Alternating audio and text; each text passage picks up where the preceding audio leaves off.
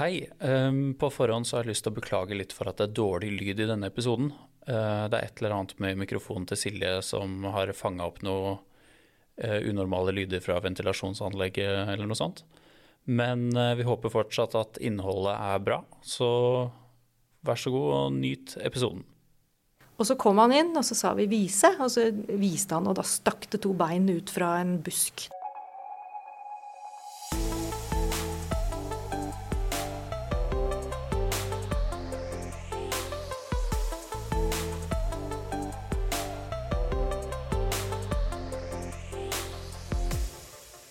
I dagens episode så er det kanskje ikke menneskene som eh, har det største fokuset. Episoden skal nemlig handle om hunder og hundeførere som eh, står klare natt og dag for å lete etter savna personer. Og vi har fått Aud Ingebjørg Barstad i studio. Hun er hundefører i Norske redningshunder, og mange har kanskje sett henne og familien i TV-serien om redningshundene på NRK. Og for meg så er denne episoden litt ekstra spesiell, ettersom hunden min Sonja og jeg, vi er også på vei mot å bli godkjent eh, ekvipasje i norske redningshunder. Og det er jo en liten fare for at man blir litt for nerdy i denne episoden, men heldigvis så har jeg Silje her også, som eh, kan holde både meg og Aud eh, litt i nakken. Vi får se hvor mye du klarer å stå imot, Silje. Nysgjerrig er jeg i hvert fall. Det er i hvert fall to mot én. Ja, ja, absolutt. Nei, men velkommen hit. Tusen takk for det. Har du lyst til å fortelle litt om eh, deg selv, eller? Jeg er hundefører i Norske redningshunder, sånn som du sa, og har vært medlem siden 2003. Kjøpte mine to første hunder her i Vestfold, eh, oppe i hugget det var sånn to for ett-tilbud. Viste at den jeg fikk gratis, nesten, den ble, den ble godkjent redningshund på 1, 2, 3. Og siden det så har det egentlig gått slag i slag. Da. Jeg har liksom alltid hatt hund nå. Nå har jeg en border collie som jeg driver med. Så utenom det så driver jeg med kommunikasjonsarbeid. I organisasjonen? Litt for Norske redningshunder, ganske mye for Eiendomsmegler 1. Uh, og så litt musikk i tillegg, da. Det må jeg heller ikke glemme. Det er jo en stor del av livet. Har du sett TV-serien, Silje? Ja, jeg har det. Så jeg blir jo litt starstruck når jeg kommer inn her, og så ser jeg liksom Å, jeg har sett deg på NRK.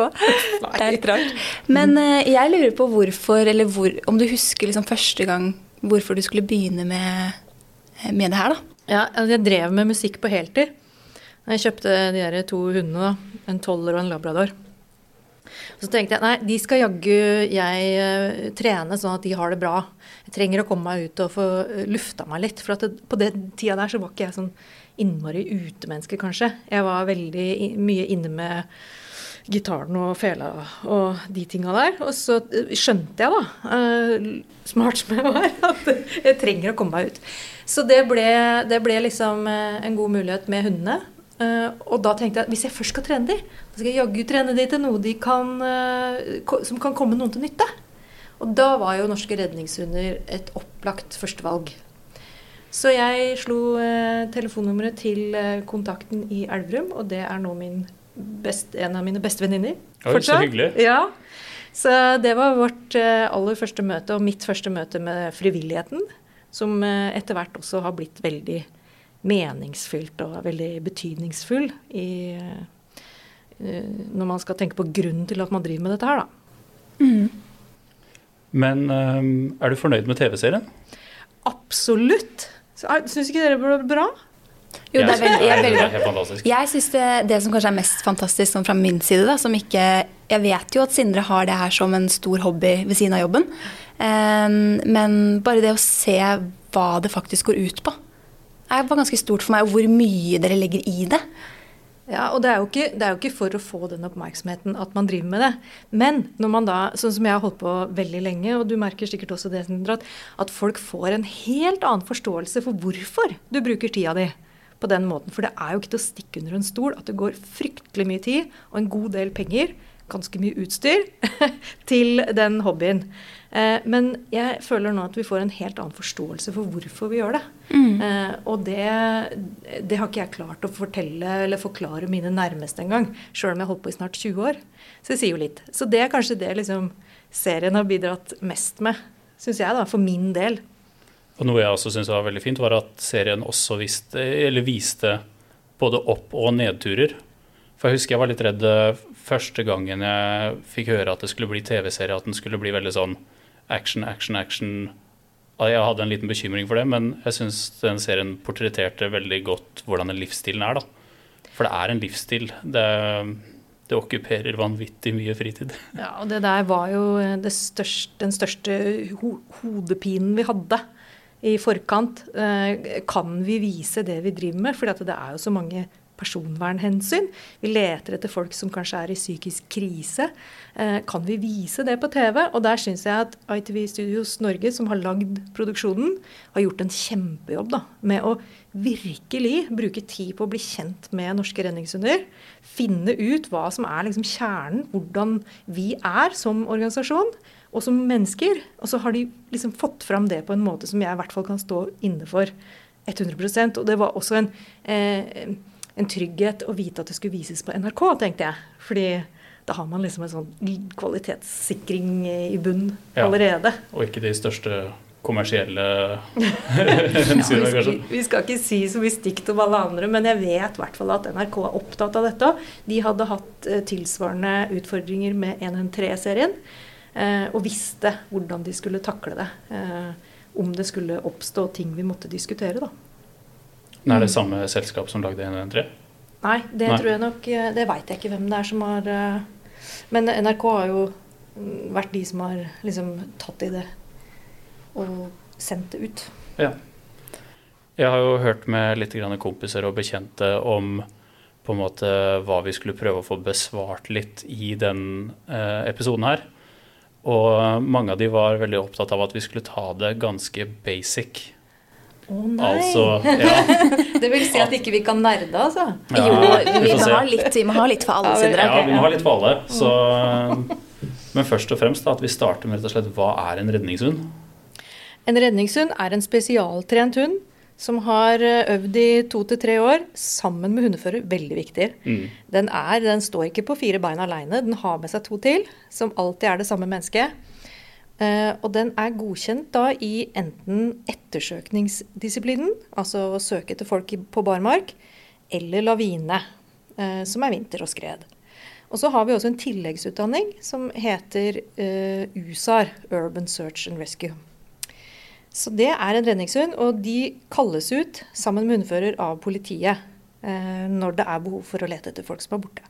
Det har litt å si hvor du bor, eh, hva som på en måte blir mest brukt og hva som er mest aktuelt.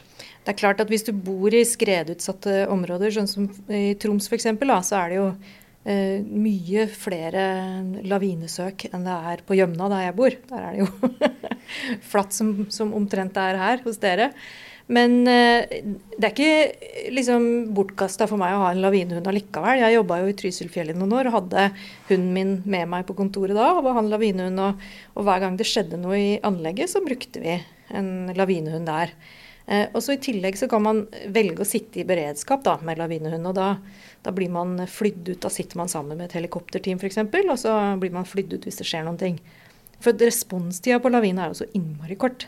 Du har liksom så lite vindu å jobbe på. Mens på ettersøkning så kan, kan jo aksjonene gå over flere dager. Og én hund kan være godkjent i alle disiplinene? Ja da, det kan. Absolutt. Det er, det er folk som har uh, virkelig investert fritid. Ja, det var mulig, det altså. det var mulig før. Jeg gjorde det med den første. Men uh, nå som jeg har familie, så ser jeg liksom at det, det er ikke så lett. Nei, det skjønner jeg. Men hvor, hvilke typer raser og sånn er det som egner seg her, da? Kan, er det alt mulig? Nei, det er det faktisk ikke. Det, det tror jeg jeg tør å si, altså. Eh, du kan jo ikke komme med en chihuahua som eh, lavinehund. Det kan du ikke. Den er for liten. Eh, men det er også andre ting som avgjør om en hund kan bli en god redningshund. De vanligste rasene som ligger på topp, det er schæferhund, eh, labrador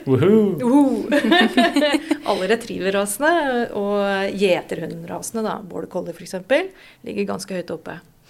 Og det er jo fordi det er hunder som er av en størrelse hvor de klarer å jobbe en stund. De har en interesse for å jobbe sammen med mennesket. Eh, de lar seg belønne.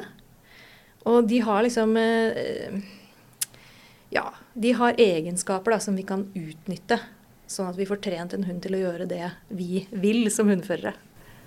For mye går jo på dette såkalte jakt, jaktinstinktet. Ja, du har jaktlabrador, har du ikke det? Jo, det har jeg, vet du. og der er det jo litt mer fart og spenning, da. Enn det er eh, hos den der vanlige labradoren som jeg har, fleskrador. Eh, men din er jo litt sånn tynnere utgave. Og det er jo en rent fysisk fordel. ikke sant? Den klarer å bevege seg. Og kanskje ledda til, til hunden din holder lenger enn min, som er større og tyngre. Men, det, men, man må liksom velge en hund som passer til den man er sjøl òg. For at du skal ha den hunden i resten av livet ditt òg. Og det er ganske mange prosent av hverdagen som den skal være med. Har du inntrykk av at uh, de aller fleste kjøper seg hund for at den skal bli redningshund? Eller at de har en hund, og så oppdager at dette vil de trene hunden til? Mm, jeg tror at første hunden, det er den derre jeg har en hund, og kunne den kunne jeg tenke meg å trene til redningshund. Andre hunden, da, da begynner man å lete litt uh, spesifikt etter en hund som passer til å være uh, redningshund. For da har man gjort seg erfaringer, så vet man litt og har hørt litt i miljøet hvem, hvilke oppdrettere f.eks. er som har hunder som ikke minst er friske. da. For det er jo kjedelig å bruke masse tid på en hund som, uh, som ikke er frisk. Absolutt. Eh, jeg tenkte vi kunne eh, snakke litt sånn eh, basic om hvordan hundene finner. Ja. Altså om de på en måte går spor, eller om de får det vi kaller overvær og sånn.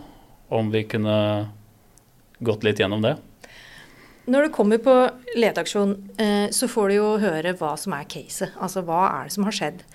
Og noen ganger så har man kanskje funnet en bil som du vet tilhører den som er borte. Eller en gjenstand kan du også finne, f.eks. en sekk eller en lue eller et eller annet. Og da vet man jo at den som er savna, har vært i det området her. Da kan man gjøre et sporoppsøk. Og da er sporet, eh, altså det avtrykket som et menneske setter ned i bakken, det er det hunden kan lukte. Og det må man hjelpe hunden til å på en måte skjønne at nå er det det vi skal gjøre, da. Eh, eller så får man utdelt et stort område, for du har egentlig ikke noe Eh, peiling på hvor folk er. Du har ikke noe etterretning som tilsier verken det ene eller det andre. Og da må man søke av det området, og da går man med hunden løs. Sånn som, sånn som folk går med en eh, jakthund på fuglejakt f.eks. Du sender den og eh, passer på at vindforholdene er bra for hunden hele tida. Det er hundeførers rolle. Eh, sånn at hunden eh, kan fange opp de luktpartiklene som kommer i vinden. da. Og det, da skal den stikke av gårde, da. Så perfekt motvind er det beste?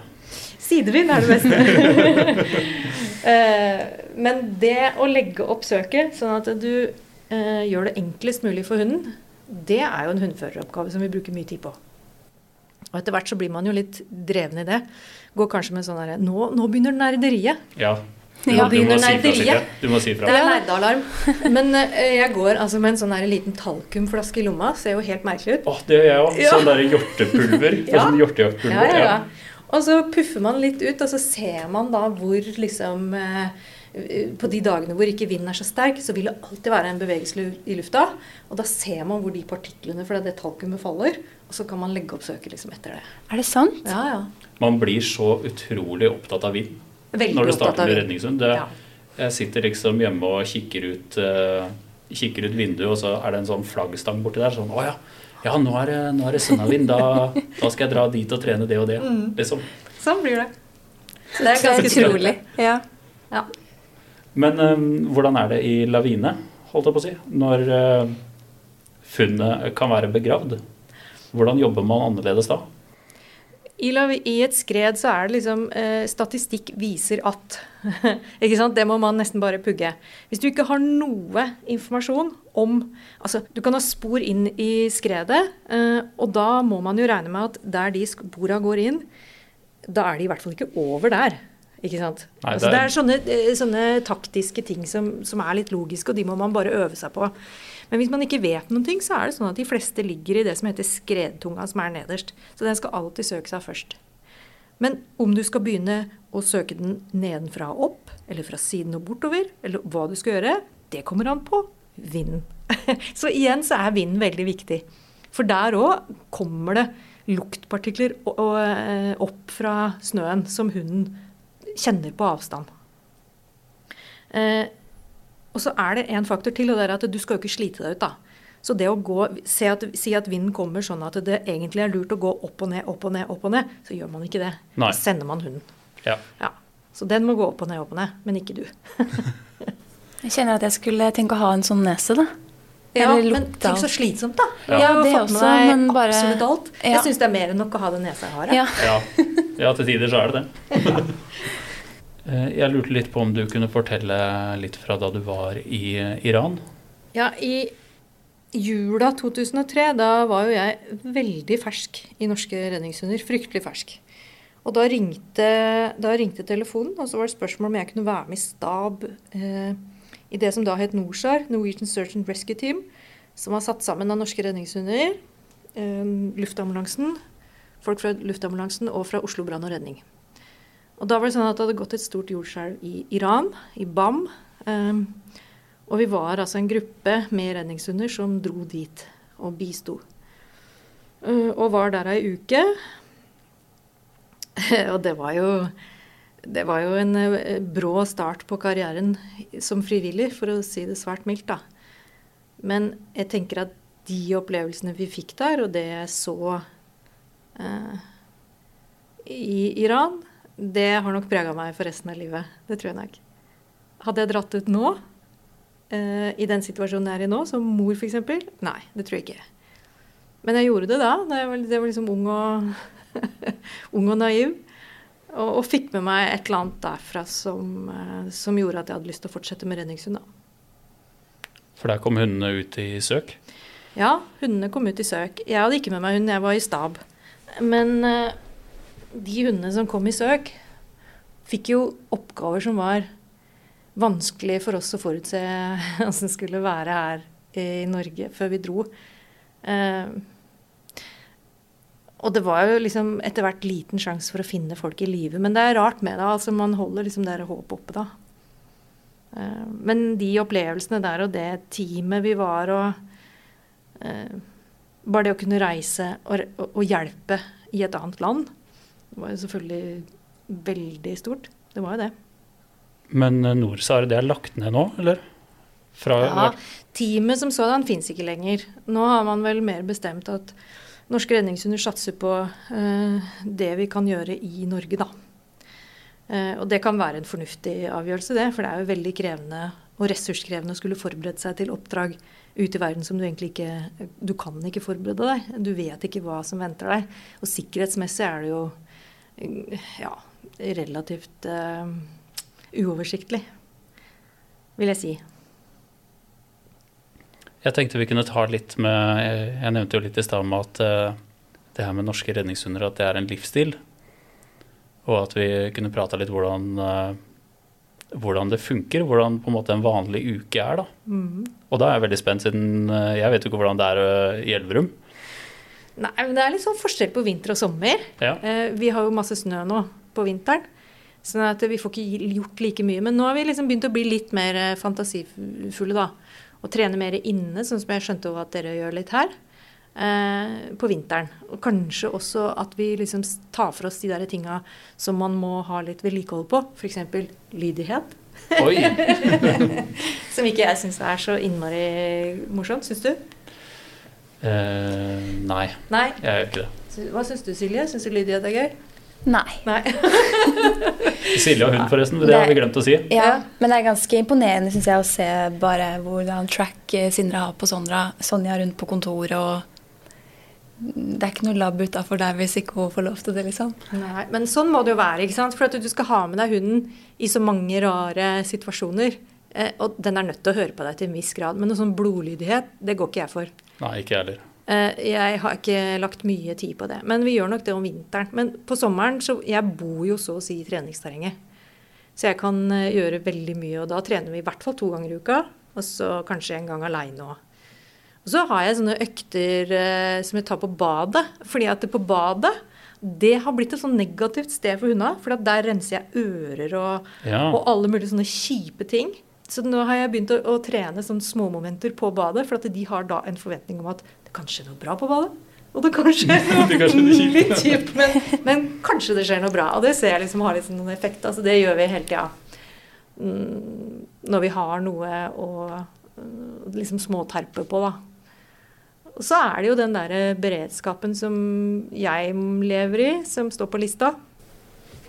Og da er Stå på lista betyr at man er godkjent? Ok. Ja, jeg står på beredskapslista og kan bli kalt ut når som helst. Og jeg bestemmer jo sjøl når jeg vil. Men man føler liksom at man må, hvis man kan. Eh, sånn at telefonen er på om. Og det husker jeg når jeg ble godkjent på nytt nå, at det syns jeg var åh, forferdelig i begynnelsen. For at du blir nesten liggende og vente på at den telefonen skal ringe. For hvis den ringer om natta, så veit jeg jo hva det er. Eh, men så blir man liksom vant til det, og så ja. Ja for det syns jeg nesten var noe av det mest sånn ja, hva skal man si, oppsiktsvekkende i serien. At folk, eh, de folka som er med der, da, sitter, en, spiser middag og kanskje tatt seg et glass vin og skal kose seg, og så plutselig går alarmen, liksom. Ja. Da er det bare rett ut. Ja, hvis du kan kjøre, da. Ja. ja. det, det, er jo Ja. ja. Uh, Hvis jeg greier å bli godkjent til sommeren, så jeg tror ikke jeg kommer til å drikke på et år. Nei, og det er akkurat sånn det blir. ikke sant? Så det, I den siste episoden så var det uh, uh, i, av redningshundene så var det fra en aksjon hvor det var en ni år gammel gutt som var borte. Og det, det, har blitt litt redigert i det som blir vist på TV, men det jeg sier, er at det er jo en kjempefin lørdag Uh, og folk sitter sikkert og griller og tar seg en øl. ikke sant? Det er jo det de gjør. Og da er det liksom automatisk halvparten så mange hundeførere velger. For det er klart man gjør jo det innimellom. Mm. Men det begrenser seg, ja. Du har alltid den der lille stemmen i bakhodet da, som sier at ja, kanskje du skal være eh, kjørbar, liksom. Fordi mm.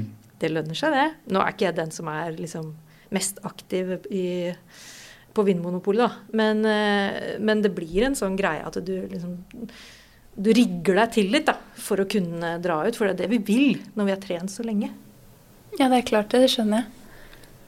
Og uh, noe jeg syns er veldig viktig å få fram, i hvert fall denne episoden her, er at man, uh, man utdanner ikke en redningshund alene.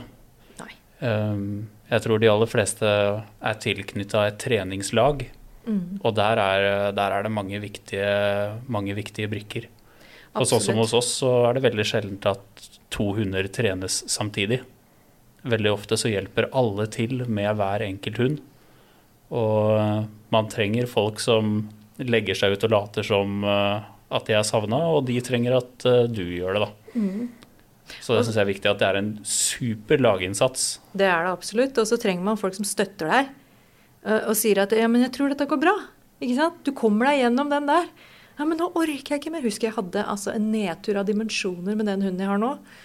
Jeg, jeg, jeg, jeg, orker ikke mer. Jeg klarer ikke å komme over den kneika. Du, du, har jo sånne kneiker. ikke sant? Du vet hvordan du skal forklare hunden hva det er du mener. Og da er det godt å ha noen i ryggen som har mye erfaring, men som kanskje har lite erfaring, men gode ideer. Og som ser deg utenfra, og som tør å si. Nå ser jeg at du er urettferdig mot hunden din. Nå må du skjerpe deg. Nå må du ta deg en pause. Eh, og de tinga der er gull verdt. Altså, den støtten du har i laget, mm. den er så gull verdt, den. Ja. Når, når, ting ikke går helt etter planen og noen sier 'pust med magen'. Ja. det, det ja, jeg må jo si jeg heia på ja, flere, noen av de i serien som, ja, som skal bli godkjente, da, og som jobber og står på ja, ja, man blir liksom, det gjør nesten vondt, vet du. Ja, det gjør det. Og det, man blir så engasjert på andres vegne. Og når det er ting som liksom Når du får en sånn her stein i skoen, da, så har du så lyst til å løse det. Og hjelpe til å løse det. Så setter vi oss ned i en ring. Altså, så sier vi hva har vi, hva har vi her? Hva slags problem har vi her? Og du blir jo god på samarbeidet. Du blir god på konfliktløsning. Du prøver å finne kreative løsninger. Jeg tenker at alle arbeidsgivere i Norge, ansett folk fra, som driver med det her, altså de får med seg så mye som du trenger i lagarbeid ellers. Er du ikke enig i det? Jo, absolutt. Og eh, jeg googla i stad, eller jeg skrev inn 'norske redningshunder' i eh, den kjente søkemotoren. Og det første forslaget som kommer opp, er 'norske redningshunder lønn'. Ja, Det er det folk lurer på. Ja, Da tror jeg folk blir skuffa. Ja, nei, det er ikke så mye lønn. Nei. Kanskje ja. i himmelen, men ikke på jorden. Nei. Men, eh, men, lønn og lønn altså, Nei, det er ikke lønn i penger, da. Nei. Men med en gang du har bidratt på leteaksjon, om du har funnet eller ikke, det har egentlig ikke så mye å si. Snø. Men bare det å ha vært der og ha gjort det beste du kan, og kjenne at nå er jeg sliten fordi jeg har gjort noe for å hjelpe andre, det er lønn, det. Trenger ikke å være eh, blodrød i, eh, i, politisk overbevisning for å mene det. Nei. Nei, for det var min motivasjon for å bli med. Det var uh, egentlig at jeg har på en måte en ganske kommersiell jobb her i fjellsport, men ønska en litt meningsfylt fritid. Og har drevet bitte litt med hundetrening tidligere. Så jeg syns i hvert fall det er veldig Nå har ikke jeg vært på så mange leteaksjoner siden jeg ikke er godkjent, men jeg syns jo selve hverdagen er veldig motiverende, da. Mm, absolutt. Og det, det, var jo min motivasjon for å begynne når jeg, begynte, når jeg drev med den musikken på heltid. Så det er fint og bra, men det var liksom ikke noe som Det var ikke hands on på et eller annet. Og, og, og nå òg som jeg sitter sånn som dere, ikke sant? mye foran data og jobber, så er det godt å ha den delen som er så utrolig sånn fysisk og direkte. Å ja, du blør. Jeg skal stoppe det. Mm. Du er borte. Jeg skal finne deg. Og så er det jo gjemsel for voksne vi driver med. ja, ja. Er, jeg tror ikke det er så veldig annerledes enn å gå på jakt. Det. Nei, det... det er den samme spenninga. Samarbeidet med hunden, naturopplevelsen. Eh, det å slite seg litt ut. Det å komme inn igjen i ei varm hytte og kjenne at du blir eh, god og varm igjen. ikke sant? Det er ganske likt, det. Bare at det vi jakter på, skal helst leve da. Mm. Hele tida. Og så blir man jækla kreativ på å gjemme seg. Ja. Ja, dere øver mye på det, Sindre? Ja, alle de stedene på en måte jeg har uh, kila meg inni og Altså, Man er veldig redd innimellom for at det kommer noen forbipasserende forbi som ikke driver med redningshund, og ser liksom Oi, det er inni den konteineren, så Eller ut fra konteineren stikker det en fot, da. Ja. Det er liksom Ja. Ja, nei, Jeg er ikke sikker på hva man kan bruke den egenskapen til sånn ellers, men, uh, men det blir veldig god på det i, NRH, ja. Det blir man. Hva syns du er mest motiverende med hundebiten, da? Nei, Det er det der å nå gjennom til hunden og se at det jeg prøver å forklare deg nå, uten ord, det gir mening for et dyr. Altså, jøss, du gjør jo som jeg vil. Og det å liksom merke at den kommunikasjonen eh, blir bedre og bedre, det gjør jo at det båndet du har til hunden, blir sterkere og sterkere òg. Eh, så jeg vet ikke hvor de havner etter hvert. Sånn, jeg tror de blir nesten sidestilt med et menneske. I hvert fall for meg. Nesten. Det er ikke, kanskje ikke lov å si det, men, eh, men jeg, har, jeg har hatt eh, sterk sorgreaksjon altså, når hundene mine har tatt kvelden. De har jobba så intenst med. Jeg har det man opplever jækla mye sammen. da. Ja, du gjør det. Og, og, og, og, det er en sånn trygghet i å ha hunden med seg. For det er jo en del opplevelser som er kjipe. Og som kan være skremmende. Og det er mørkt, og det er bløtt, og du vet ikke hva du skal treffe på. Men det å vite at du har liksom, en av dine beste venner med deg, da, som står hos deg liksom, i tykt og tynt, det syns i hvert fall jeg hjelper. Jeg har jo prata med en del NRH-ere som har fortalt om funn de har gjort. Mm. Og det er jo noe man må være forberedt på når man melder seg inn. Det er noe jeg tenker at man må ha gjort opp litt sånn status på før du begynner. For det er det som skiller det fra hundeklubb. Du skal faktisk ut og bruke hunden og det du har lært. Eh, og da kan du selvfølgelig oppleve ting som ikke er eh, helt A4. Hvis man tenker at man er typen som tåler det, så vil jeg tro at man har eh, Ja, at man kan klare seg relativt greit gjennom det. Og noen ganger skjer det ting som ikke er så greit, og da får man hjelp og støtte. Fra organisasjonen? Mm, fra kameratstøtteordningen. Og så er det sånn at noen ganger i livet så er man ikke rusta til, til, å dra ut. Altså det kan skje ting eh, som gjør at du blir litt, uh, litt tynnere i nervekonstruksjonen sånn midlertidig. Hvis du går gjennom et eh, samlivsbrudd, eller hvis du mister noen som står nær deg, sånt, da skal man si ifra og si at nå skal jeg ta en pause fra den jobben her. Så det er ditt eget ansvar. Du må følge med på deg sjøl og kjenne deg sjøl godt. Og vite når du skal trykke på den pauseknappen. Det er lov. Ja, når, dere, når, dere, er på leteaksjoner og sånn, hvor, eh, hvor, langt på en måte går dere? Både dere som mennesker, men hvor mye pusher dere hundene? Jeg har aldri pusha hunden lenger enn eh, hva jeg tåler sjøl. Eh, den har alltid mer kapasitet enn meg. Er, har du opplevd det noen gang, Sindre? At, det, liksom, det er hunden som sier stopp før deg? Nei. Da har du i så fall stått i ro på, på det vi kaller midtlinja. uh, nei, jeg har, jeg, har ikke, jeg har, ikke, opplevd det. Men jeg tenker også at det er jo en, det er jo en del av kunsten. Mm. Å, å legge opp søket sånn at du ikke havner der. Men på en leteaksjon så går du og beveger deg hele tida. Og maks for min del har vært åtte eller ni timer i strekk. Og du vet, da klarer du ikke Da klarer du ikke mer sjøl. Så det er ikke hunden det står på da. Men jeg legger jo inn pauser når jeg ser at ok, nå, hvis det er varmt f.eks., da kan hunden slite mer enn en mm. menneske. Da må vi legge inn badepauser og drikkepauser, og, og så deler vi matpakke og tar det med ro, da. Ja. Det er liksom litt koselig. Men stort sett er det jeg som må gi meg. Det er jeg som får leggkrampe før min hund mm. i det hele tatt viser tegn på å ville slakke ned tempoet. Hunden min spiste matpakka til en turgåer på øvelse en gang. Det var, det var lov. Ja. ja. hun gjorde det som hun skulle, da. Hun, nei, eller hun gjorde ikke det, men hun fant i hvert fall en turgåer som ikke var en del av øvelsen. Så tok hun en halv, eh, halv brødskive før hun meldte fram at hun hadde gjort funn. Å oh ja, men hun meldte, da? Ja, hun meldte etterpå. Ja. Så det var jo på en måte pluss i boka. Hun ja, bare tok belønningen først. Ja, men det er jo labrador. ja, de, de er sultne. Ja, ja, herlighet. Jeg hadde, Min første redningshund var labrador, og ble borte for meg på leteaksjon en gang. Eh, og så gikk jeg da en halvtime og lette etter den, og det skjedde liksom aldri. Da kom det på radioen fra Røde Kors, da, som var i Ko, som er det som er liksom der alle liksom er samla i begynnelsen. Så, så, sa de Er det noen som savner en brun labrador? Han sitter ved pølsekokeren i ko. og det var en hund som var utelukkende trent opp på pølse, da. Ja. Så, så, han trodde liksom at ok, jeg har kommet til nirvana. Ja, Her er, det dette er stedet. Vi trenger ikke å lete etter noen mer. ja, nå har vi en løs labrador i studio her, så hvis det er litt problemer med lyden, så veit lytterne hvorfor. Ja. Må jo ha litt sånn passer jo med hund her eh, i dag, Sindre. Det passer så bra. Passer alltid bra. Ja. Men hvem er det norske redningshunder leter etter? I de aller fleste tilfeller? Mm. Det spørs litt hvor man bor i landet og det, da. Bor du i Tromsø, så er det jo på vinter mange frikjørere. Dessverre. Eh, eller så har vi jo økning i uh, suicidale. Som Ja og demente, men også bærplukkere.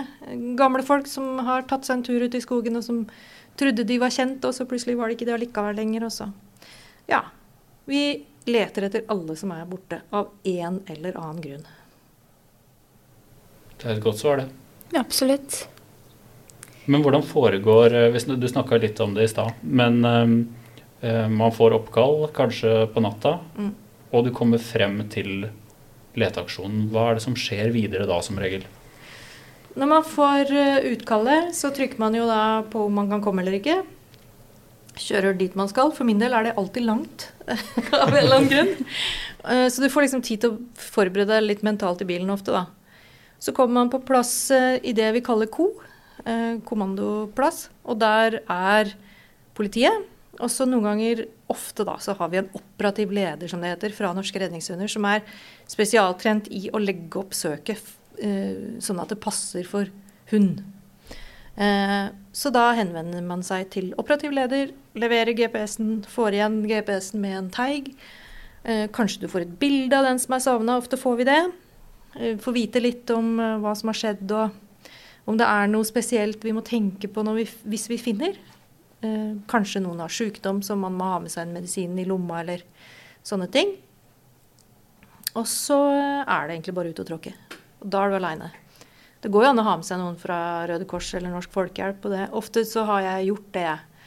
Jeg syns det er greit hvis man skal gå Vi har sånne områder hvor det er lange, store skogteiger eller fjell, og, og da syns jeg det er greit å være to, jeg. Ja. Mm. Så vi har jo et kjempefint samarbeid med de andre frivillige organisasjonene. da. Eh, og ofte så treffer man jo igjen de samme folka og blir litt kjent med de òg, ikke sant. Så det er en stor eh, familie, den der frivilligheten i Norge. Jeg tenkte på, at Du kan jo brått ha ulv, du. I, uh... Ja, det kan jeg brått ha, ja. ja. Har, du, har, du, møtt noen, eller? Ja, ikke på leteaksjon, men jeg har møtt ulv tre ganger rundt huset. Oi. Ja. Vi hadde hundene Vi har jo gjerda en tomt, da, så vi hadde hundene ute på lufting på kvelden. Det var vel bare i fjor sommer, tror jeg. Og da plutselig begynte elghunden å, å gjø som bare det. Og så gikk samboeren min ut, og da kom det en elg med et skada bakbein rett foran eh, der hunden sto. Altså bak det gjerdet, da. Og så kom det en ulv bak. Å, fy fader. Ja. Og jeg har sett ulv eh, to ganger til rundt huset. Så vi har mye ulv, og vi har mista en hund til ulv også. Så vi har liksom kjent det litt på kroppen. Jeg tenker ganske ofte på det når jeg lufter hundene. Tenker ikke så mye på det når jeg går leteaksjon. Nei. Veldig pussig greie. Men må dere legge opp holdt på å si, treninger etter det, eller? Nei. Nei.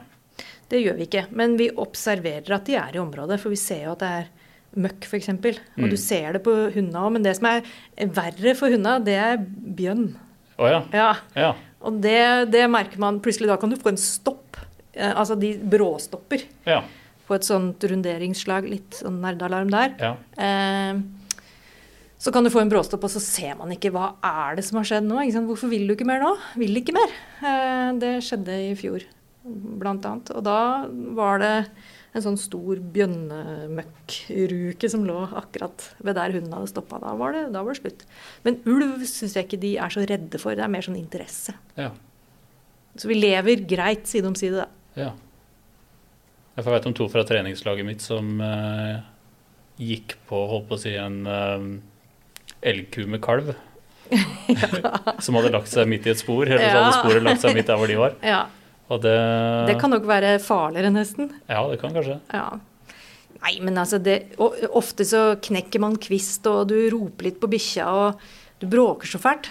Så jeg tror liksom de fleste kommer seg greit unna. Jeg har gått på noe elg noen ganger, det har jeg gjort. Men, eh, men en trent redningshund vil stort sett fortsette jobben og, og nedprioritere den elgen, da. Ja, Det merker jeg også ofte, at eh, fokuset på oppgaven er så stor. Så om hunden har løpetid eller det er sånne andre forstyrrelser, det går bare rett bort fordi oppgaven er så klar. Da. Ja, Så det, er- det er helt riktig. får du mye det spørsmålet om hundene lukter på gjenstanden fra savnede før de går ut i søk? Ja, det er noen som lurer på det. eh, Særlig pårørende på leteaksjon lurer på om de skal finne en ting som tilhører den savnede, sånn at hunden kan få lukte på den. Men du vet, i vårt område, der jeg i hvert fall går mye på leteaksjon, så er det store skogsområder. Og, og hvis det er en, en sånn type leteaksjon, så vil jeg eh, Og jeg finner noen, så spør jeg jo om det er den. Mm. Det, det var litt, kanskje litt sånn flåste sagt. Nei, nei. Men treffer jeg et menneske i skogen, så er jo sjansen stor. I, Ja. i lite beferda områder. Men det er klart at det, det går an å trene hunden til å gjøre et såkalt ID-spor, hvor, hvor de skiller én lukt fra et annet. Jeg ville tro at det er kanskje mer, mer eh, interessant i veldig sånn urbane områder, da. Eller steder hvor du har mye tråkk. Eh, Men vi har ikke Altså det er såpass tidkrevende å trene det opp at vi har ikke valgt å legge det inn som et krav på redningshundene. Så ofte finner de jo ting på leteaksjon, og så melder de ifra om det, hundene til oss. Og så må vi liksom avgjøre og melde inn til ko, da. Jeg har funnet en blå caps. Er- det den savnede sin? Ja eller nei? Så får de litt belønning for at de fant den blå capsen, da. Samme hvem det er som Mm. eieren. Mm. Jeg hadde en treningskompis som uh, mista bilnøklene sine i runderingsløypa. Og jeg var veldig stolt for hunden min som fant de. Ja, men det Åh, er så bra! Ja, det er deilig. Det er så bra, vet du. Ja, Hun har ennå ikke spandert noen godbiter på, Nei, på hunden min, så hun får uh, Hvis Nei. hun hører det her, så veit hun hvem det gjelder. Ja, det er, den er litt, det, det, er, det er litt trist, ja. Jeg tenker, Sindre, kan ikke du si noe om uh, hvor lenge det er til du uh, og Sonja er godkjente, da? Eller skal ut og begynne? Eh, ja, hvis alt går etter eh, planen, så, så er vi godkjent til sommeren. Eh, for det er litt sånn i norske redningshunder at eh, go første godkjenning må gjøres på noe vi kaller hovedkurs. Som er en uke med samling og testing på sommeren. Så vi, vi trener jo beinhardt fram til det, da. Og jeg, jeg er veldig spent sjøl. Jeg grugleder meg veldig til den uka. Men det, det der går re, som regel så greit hvis man bare tar én ting av gangen. Mm. Ikke tenke på at man skal ha en hel uke over seg med en gang, men bare liksom ta moment for moment. Og så er det jo ofte sånn at enten så er man veldig stødig i det som er overværssøket, eller så er man veldig stødig i det som er sporsøket. Og så, og så er man redd for den delen man kanskje ikke er så god i, da. Mm. Er det sånn for din del òg? Ja. Søk i line. Jaha. Det tror jeg er vår akilleshæl. Og det er noen ganger når eh, Hvis det f.eks. er fare for hunden, hvis man søker nær en vei eller eh, omstendighetene gjør at eh, det kan være utrygt, så er det vanlig å søke i line. Og det tror jeg er vår, eh, vår akilleshæl foreløpig. Men det går sikkert fint, vet du. Og du Ja. er- for det, man lager seg sånne rare, litt sånne rare formeninger om at eh, hvis ikke det er akkurat sånn og sånn på prøva den dagen, da går det ikke. Hvis ikke, hvis ikke jeg har den og den ballen som belønning, hvis ikke jeg har den og den genseren på meg sjøl, så går det ikke. Altså den overtroen som kan bli knytta til sånne ting, den er ganske drøy. så det, det må du ikke gjøre. Nei. Nei. Nei, hun er veldig spent, og uh, jeg er veldig spent på den potensielt første leteaksjonen. Da, jeg har jo hørt om folk som har glemt hundene hjemme. Ja, ja. Det har skjedd. Til og med en som skulle bli henta av helikopter en gang. Oh, ja. Og tok ned helikopteret og oppdaga at han hadde ikke hunden. Og det må jo være mm, Ja, så- Forferdelig følelse, ja. Nei da. Men hvordan går man fram da, vil du si noe om det, hvis man har lyst til å bli medlem?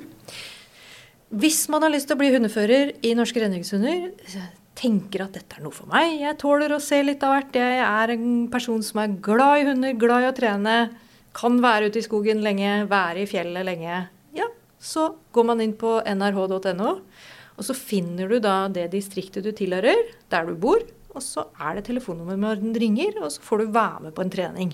Og se åssen det er. ikke sant? Og så kan noen hjelpe deg å vurdere hunden din. Eh, om det er eh, sånn at du kan fortsette å trene, eller om du kanskje bør kjøpe en eh, valp eh, litt i framtida. Men det å være med og kikke og se og, og kjenne litt på det først, det tror jeg er veldig lurt, da.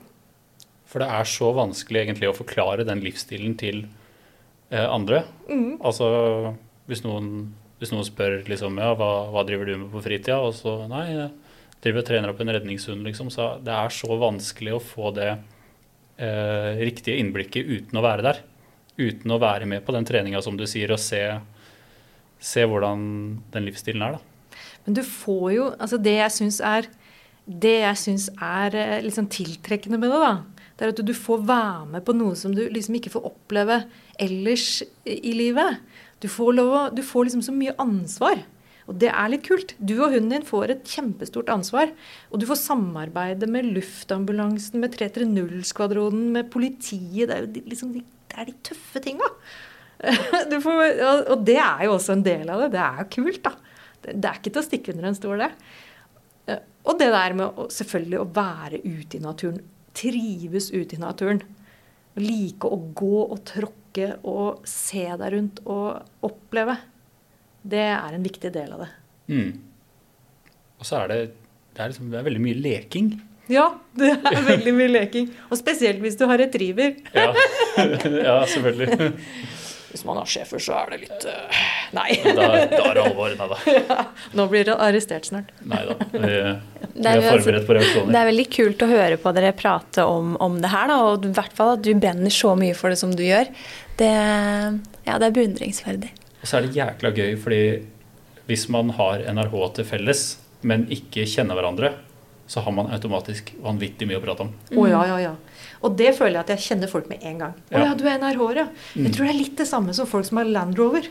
De òg Ja, kjenner folk ja. i hele Norge. Ja. De kan bare svinge inn på gårdsplassen til hverandre. Og, og, og en annen ting hvor det er også sånn, folkemusikkmiljø. Ja. Eh, hvis hardingfella mi eh, går i stykker, så er det liksom folk som hjelper til med å få den frakta dit eller frakta dit. Og jeg aner ikke hvem det er som har reparert, men kommer tilbake da og er i fin stand. Ja, Hvor stort er hardingfjellmiljøet i Norge? Det er sånn undercover-miljø. Nei, ja, det er bare en morsom sammenligning på at du føler at du vet noe om folk. Fordi de tilhører noe du kjenner fra før. Og det er jo bare det det handler om. Du syns du vet mer, ikke sant. Mm. Eh, og da blir du på en måte litt tryggere, da. Og så tror jeg også en grunn til at uh, miljøet er veldig bra, er at det er frivillig. Absolutt. Altså at det er ikke Det er lite kommersielt uh, å hente, på en måte. Og det må vi tviholde på. Enig. Jeg ser jo det etter eh, NRK-serien, at det er mange som ikke er i NRH, da, som med rette egentlig sier at det, ja, men de må jo få lønn, ikke sant. De skjønner ikke hvorfor ikke vi får lønn. Og så sier vi da at ja, men vi ikke har lønn. men det vi vil ha, det er litt enklere vilkår. Vi vil gjerne at staten ser at det ikke skal være så innmari stor utgift å drive frivillig. Eh, at det skal være litt lettere å komme seg på kurs, at man kan få litt støtte til, til utdanninga. For nå er det jo en svær sum som går ut fra hundeførernes konto. Og sånn syns jeg ikke det skal være. Men at vi skal få lønn og tjene penger på det, nei, det tror jeg ikke. Da tror jeg vi mister noe som er veldig viktig i frivilligheten i Norge. Mm. Men kanskje litt bedre vilkår på forsikringer og Vi prata litt om det før innspillinga, at uh, noen sånne goder hadde vært uh, veldig bra. Ja, det tenker jeg er en, uh, en fin ting. Og det må jo være mange bedrifter og virksomheter der ute som, som, som syns at norske redningshunder er en fin ting å støtte. Mm. Kan ikke skjønne annet. Jeg mener også jeg leste sak om liksom, at Røde Kors ble skatta i hjel på en sånn ny bil de hadde kjøpt. Altså, det er fælt. ja. ja. det blir noen sånne regler da som blir litt tullete, ikke sant. Ja. I hvert fall når det kommer allmennheten så til gode. Mm. Mm. Um, hva er ditt beste NRH-minne? Mm, min aller første leteaksjon. Oi. Ja, det tror jeg. Nei, jeg har flere. Selvfølgelig hver gang jeg har godkjent. ikke sant? Store ting. Hver gang andre har godkjent, som jeg, som jeg har vært med å heie fram og hjelpe fram. Store øyeblikk. Men min aller første ledeaksjon, som helt fersk hundefører sammen med den brune labradoren Toto, da eh, gikk vi og søkte. Det var stupmørkt om høsten. Lette etter en gammel mann som hadde vært på tyttebærtur. Han hadde vært borte i to døgn. Eh, og så plutselig så eh, finner vi den. Oi! Ja. På din første leteaksjon? På min første leteaksjon så fant vi. ja. altså, ja, Er det fordi hunden er så innmari flink? Nei, det var jo fordi han lå i vår teig. ikke sant? Mm. Han lå i det området vi hadde fått utdelt. Og da er hunden flink fordi at den gjør jobben sin. Men uh, en hund kan jo gå helt, uh, en hel hund, redningshundkarriere uten å finne noen. Hvis du får tildelt det området hvor det ikke er noen, det vet du ikke. Uh, så, det, så, det, er ikke det liksom det går på. Men det at det funka, at han sa ifra Han skulle jo egentlig melde med en sånn brinkobla som, som man skal ta opp i munnen, men det gjorde han ikke. Nei, han bjeffa av full hals. Ja. Og så kom han inn, og så sa vi 'vise', og så viste han, og da stakk det to bein ut fra en busk. Der lå denne mannen, og klarte seg. Så bra. Så bra. Ja, og var nedkjølt og ble varma opp igjen. og så fikk jeg jaggu tyttebæret hans som takk. Gjorde det? så og, den, eh, og, det å sitte i bilen på vei hjem da, sånn i tre til om natta Hadde levert den i ambulansen og, og fått tyttebæra, sto i baki, og bikkja lå og sov helt bakerst. og og vite at dette fiksa vi. Vi fikk det til. Klarte å holde den i live. Han hadde hatt et hjerneslag. Klarte å få den opp i temperatur. Gjorde det vi kunne, liksom. Nei, vet du hva, det var sånn Jeg antar Antar at uh, Kanskje det er nærmest en sånn religiøs oppvåkning. Eller et eller annet. I hvert fall en kickstart på karrieren. Det er uh, lite som slår det. Mm. Apropos religion. Hundebil. Ja. Det er en religion. Ja. Åh, jeg sitter og tenker på hvor mye jeg har kjørt når jeg var ute i dag. Å, du har det? Ja. Skal du oppgradere? Ja, skal det. Vi må ha firehjulstrekk. Det går jo ikke an å være i Norske redningshunder uten å ha firehjulstrekk. Det er en skam. Ja. Jeg, ja, jeg har det, da. Men uh, for meg er det en selvfølge. Men, uh, men det hvordan folk bygger disse bilene sine, ja. det er imponerende. Ja. Med ladestasjoner og mm. dedikerte plasser til campingstoler og altså det er uh, ja. Det er et prosjekt. Ja, og vi har en karavell, gammel karavell som jeg bygger om da, til hvert hovedkurs om sommeren.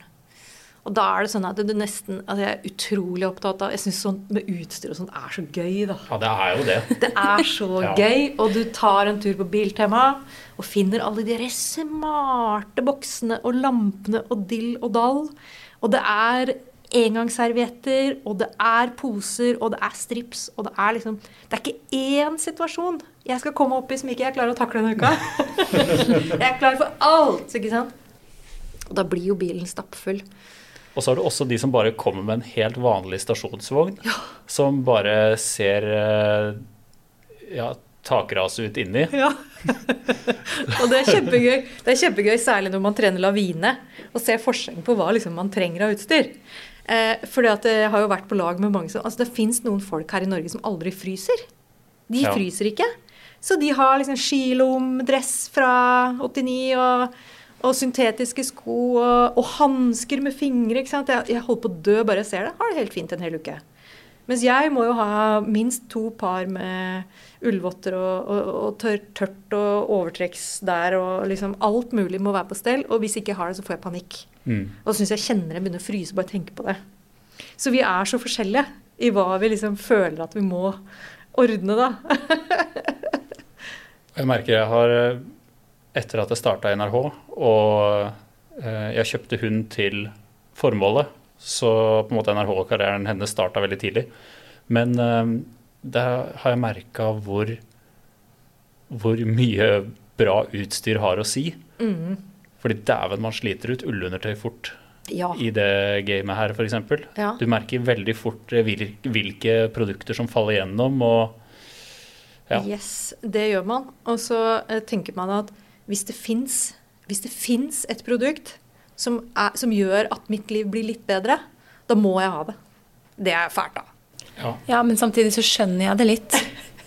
Ja. Det blir jo sånn. Ja, jeg bor jo fordi i du, du, skal i så lang, du skal ut på så lange oppdrag. Ikke sant? Hvis du går i Femundsmarka i regn i åtte-ni timer, da er du litt opptatt av hva du har på beina. Mm. Og da har det. stor, stor forskjell da, på om du har det sokkeparet eller det sokkeparet. Mm.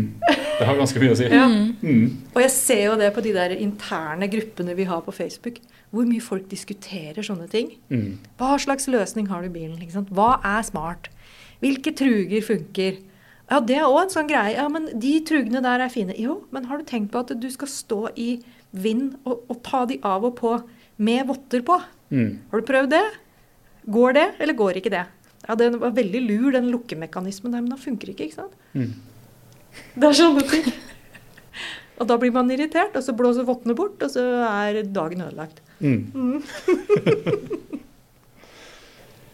Nei, jeg lurer Ja, Silje. Ja, jeg lurer på om vi Nei, jeg har et spørsmål til, Ja. til deg.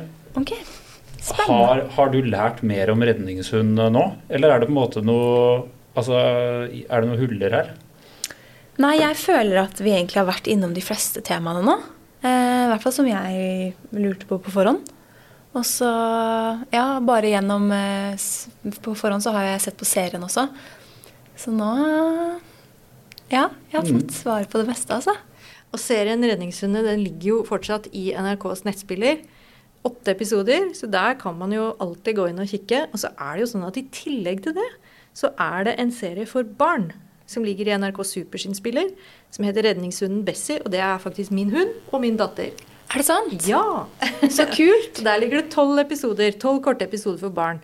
Og det vi ser er at det, det er jo kjempepopulært. Eh, fordi, oh ja, at det, så bra. ja, fordi at unga syns det er kult at de òg liksom har en variant da, Ja. som er litt tilpassa dem. Og så ser man på det sammen, og så diskuterer man litt. Da. Ja. Så det er veldig stas. ja, jeg har sett noen av episodene. Kanskje vi klarer å rekruttere noen fremtidige frivillige via det. Ja. Håper det. Ja. ja, det har vel, eh, serien har vel ikke gjort eh, så vondt for rekrutteringa.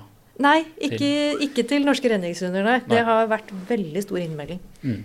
I løpet av en måned har vi hatt de innmeldingene vi har ellers fått på et år. Nå er jeg litt usikker på om vi har rukket å forberede deg på de faste spørsmålene Jo, våre. det har det. Ja, vi har det. Ja, så bra. Det er jo det første at uh, vi lurte på om du kunne ta med en ting som beskriver deg som person. Mm. Jeg har tatt med en ting som beskriver meg som person. Og jeg lurer på om dere kan eh, se hva det er. Øredobber.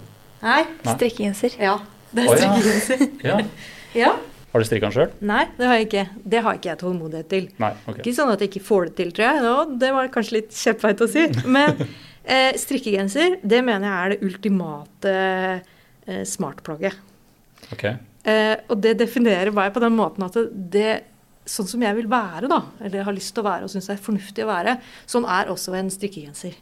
Ikke så veldig jålete, men veldig praktisk. Veldig varm, for jeg er jo en frysepinn av dimensjoner. Kan være ytterplagg og innerplagg samtidig, eller mellomplagg. Allsidig, ja. Ja, også ull. Ull, altså.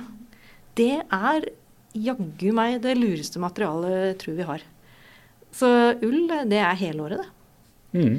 Og så syns jeg liksom at strikkegenser sender sånn litt sånn signal til de jeg møter, da, om, om, hvem jeg er og hva jeg driver med. Jeg husker jeg dro til eh, Longyearbyen på Svalbard, og det var som å liksom komme hjem da. Mm. Det var jo strikkegenser og fjellrevenbukseland.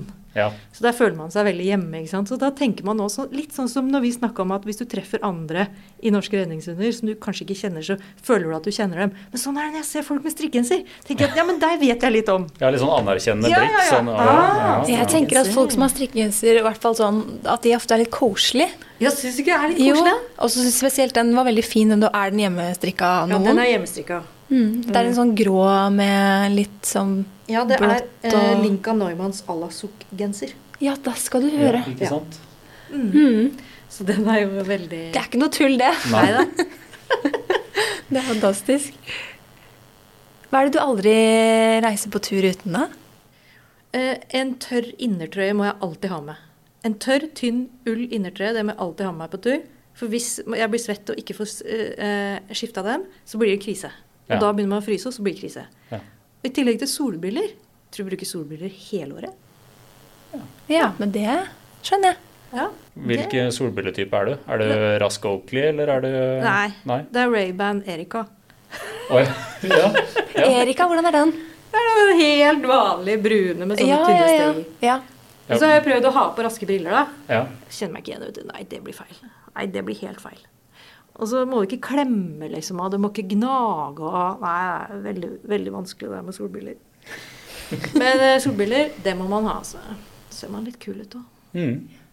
Og så er det siste om um, Er det noe utstyr du alltid har ønska deg, men som du enda ikke har fått kjøpt? Det kan være alt fra luftgevær til kano, liksom. Men Mm. uh, Ja. Eh, jeg har jo alltid egentlig hatt lyst på de der eh, skiskoa til Alfa som går til hit oppe ved, under kneet. Hva heter de? uh, det er to forskjellige. Ja, de som er sånn røde, Ja. som går sånn opp. De har jeg sett at noen har. Og jeg kjøpte meg et par sånne fra Meindl for 100 år siden. Og det, de er så vanskelig å få på, så du må liksom bruke, du må sette deg en time om morgenen da for å få de på. Oi. Nei, ikke så mye. Men det er, eh, det er fryktelig eh, omstendelige greier. Og så har jeg sett på de her alfaskoa, syns alfa har veldig mye fint. Og tenker at det er liksom den ultimate greia, for at det der har liksom to i én. Mm. Men eh, jeg tror jeg sprenger matbudsjettet hjemme, da, hvis jeg går for det. så, så liksom, når du bruker de såpass lite, så overlever jeg foreløpig med en vanlig skarve og eh, Neos-poser utapå. Veldig lurt. Fotposer. Det er òg kanskje en ting eh, som eh, jeg føler definerer meg litt. Fotposer i alle sammenhenger, altså. Ja. Bortsett fra bryllup, da. Ja. ja, men fotposer er det beste plagget noensinne. Altså. Det er Fullstendig undervurdert. Jeg tenker på alle sånne fotballforeldre som står og fryser og ser på. Hvorfor har de ikke med seg Det er sånn jeg har sånn Eller de som jobber i foreldre som står barnehage. sånn. Ja, ja. For jeg blir helt stressa av det. ja. det At de orker. ja. Men, Men- altså, kjøp fotposer, så har du jo eh, Fotposer og god lue, da er jo mye redda. Ja, altså mange av de fotposene, særlig fra Neos, de kan du jo bare ha joggesko inni på Ja, ja. vinteren, og de holder varmen. Absolutt. ja. Det, er helt, det, altså, det er den beste forsikringa du gjør mot å fryse på tærne. Yes. Annet enn å være innendørs, da. Men uh, I dag kan man få litt av hvert av tips, altså. ja. ja men Men, men det er et godt tips, og de veier jo så lite. Så det er liksom greit å ha. Men, men skulle jeg ønska meg noe, ja, så tror jeg jeg hadde gått for de BC-skoa til eh, Alfa som er høye. Men Alfa, rød og høye. Alfa, ja, men Alfa må skru ned lite grann. Nei, jeg skjønner jo egentlig det. Jeg begynte å sy klær. Ah, ja. Eh, I fjor begynte jeg å sy, og etter det så skjønte jeg litt mer av hvor mye jobb det ligger bak et ordentlig plagg, da. Mm. Ordentlige sømmer. Eh, Ordentlige sømmer. Bare den buksa her, som er en sånn vanlig keb-bukse fra Fjellreven. Eh, hvor mye dill og dall og knapper og sømmer og dill og, og, og fjas det egentlig er på den. Så fikk jeg litt sånn forståelse for at OK, det er jo faktisk et håndverk. Mm. Og særlig på ullundertøy. Så, ja. så syns jeg at eh, det virker som at hovedregelen er jo mindre sømmer, jo lengre kommer den til å holde. Mm. Ja, det er sant, det. Så hvis man vurderer en ulltrøye med sinnssykt mye sømmer her og der, da ville jeg gått for noe annet. Ja. Men vi burde hatt en egen podkast bare for utstyr for hundførere. vet du. Ja. Der tror jeg, kunne jeg tror vi kunne snakka i i hvert fall uh, fire episoder til. Mm. Uten at det ble tomt. ja. ja, og hund er jo et område vi uh, satser uh, mer i hos oss på utstyrsfronten, så Ja, Ja. hvorfor ikke? Og jeg kan jo si at medlemmene i Norske redningshunder, de er ganske veldig gode kunder her. det, Det er godtebutikken til hundeførere, det her, vet du. Det er Ja. det det er. ja, jeg tror vi har mye som frister. Ja, Mm. jeg tror nok også det. Jeg har bursdag snart. Ja. å, så gøy, da. Ja. Nei, men jeg herlig. tror uh... Men sier du Aud Ingebjørg, eller bare Aud? Begge deler? Det har blitt brukt begge deler i den NRK-serien. Ja. Men det er Audi som er eh, going i NRH. Audi, liksom. Da blir det dratt sammen til Audi. Da er kan den jo vi perfekte Rådebank-karakteren. ja, Det kan du si. Men eh, da kan jo vi bare si eh, kanskje Audi, takk for at du kom hit i dag, da. Og tok en prat med oss eh, rundt dette temaet. Det var veldig spennende å høre på. Tusen takk for at jeg fikk komme. Jeg syns jo eh, det er veldig veldig artig å skravle, så jeg håper ikke jeg skravla høl i huet på dere. Det her tror jeg blir eh, veldig bra. Det var kjempefint. Ja. Det er ikke mye rom for eh, Eller mye behov for redigering her. Med det kan vi bare ønske god tur. Jepp, god tur.